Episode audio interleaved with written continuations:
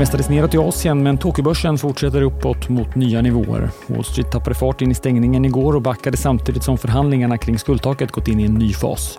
Stockholmsbörsen ser ut att öppna svagt nedåt senare under morgonen.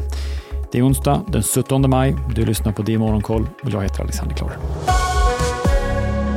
Ja, Tokyobörsen fortsätter att stiga. Nikkei når en nivå börsen inte varit på sedan hösten 2021 och följer efter att ett annat index eh, igår nådde sin högsta nivå på över 30 år.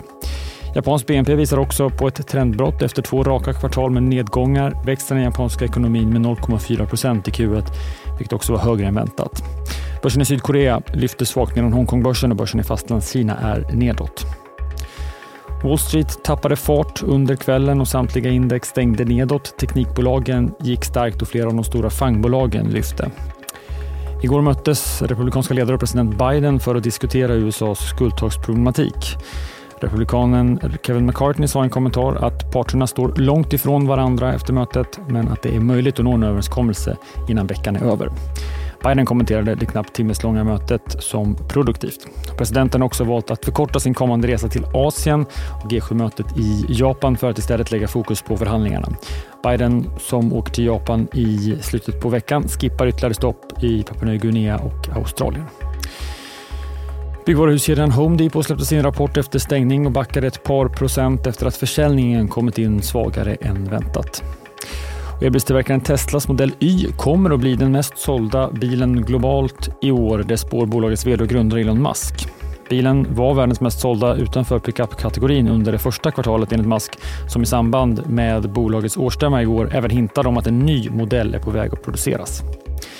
Flera Fed-ledamöter talade under gårdagen och vi såg amerikanska räntor stiga under kvällen. Bland annat sa Fed-chefen i Cleveland, Loretta Mester, att både detaljhandeln och industriproduktionen i landet återhämtade sig i början av det här kvartalet.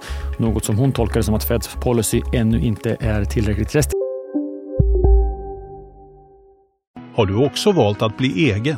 Då är det viktigt att skaffa en bra företagsförsäkring. Hos oss är alla småföretag stora och inga frågor för små. Swedeas företagsförsäkring är anpassad för mindre företag och täcker även sånt som din hemförsäkring inte täcker. Gå in på swedea.se företag och jämför själv.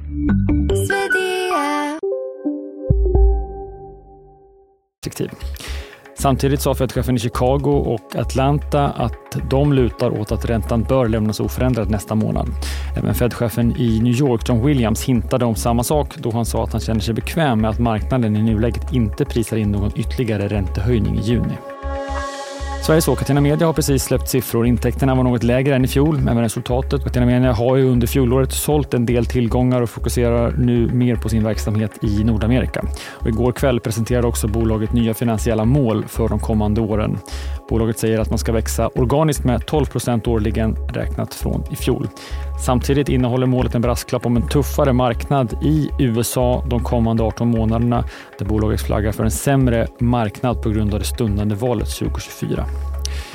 Sektorskollegan och också ägaren av en mindre post i Catena Media, Better Collective, släppte sin rapport igår efter stängning som visade på en organisk tillväxt på drygt 20 procent. Tillväxten var totalt över 30 procent och resultatet var också en förbättring från i fjol. Flera rapporter och rapportintervjuer under morgonen. Vi har också sett en del försäljningar. Riskkapitalbolaget EQT har sålt hela sitt innehav i Vitrolife där man hade en mindre post på ungefär 5 miljoner aktier. De såldes med en liten rabatt istället mot gårdagens stängning. Och det blev ingen rabatt, snarare en premium när Diös sålde fastigheter för 200 miljoner kronor i Bålänge. Det var något över bokfört värde. På tal om fastigheter så höjs hyrorna i Sverige med 4,2 procent i år i snitt. Det visar en sammanställning av Hyresgästföreningen, vilket är den största höjningen på 30 år. Idag är det halvdag på börsen. Stockholmsbörsen stänger redan klockan ett. I grannlandet Norge är det stängt på grund av nationaldag. Och Stockholmsbörsen håller ju stängt imorgon och öppnar igen på fredag. En del amerikansk data tills dess. I eftermiddag så får vi bostadsbyggandet för april. Det kommer efter stängning för Stockholms del klockan halv tre.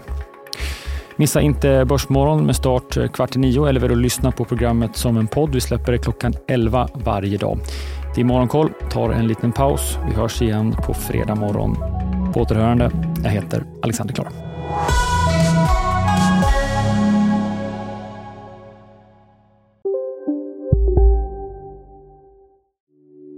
Hej, Ulf Kristersson här.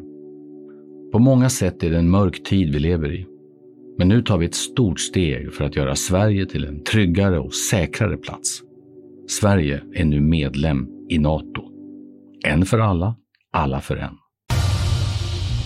Expressen gör varje vecka podden Politikrummet där vi djupdyker i det senaste och viktigaste inom svensk politik. Med mig, Filippa Rogvall, som programledare tillsammans med mina vassa kollegor. Och det är ju ni som heter Thomas Nordenskjöld, Anette Holmqvist och Viktor Bartkron. Politikrummet kommer med ett nytt avsnitt varje tisdag. Vi hörs.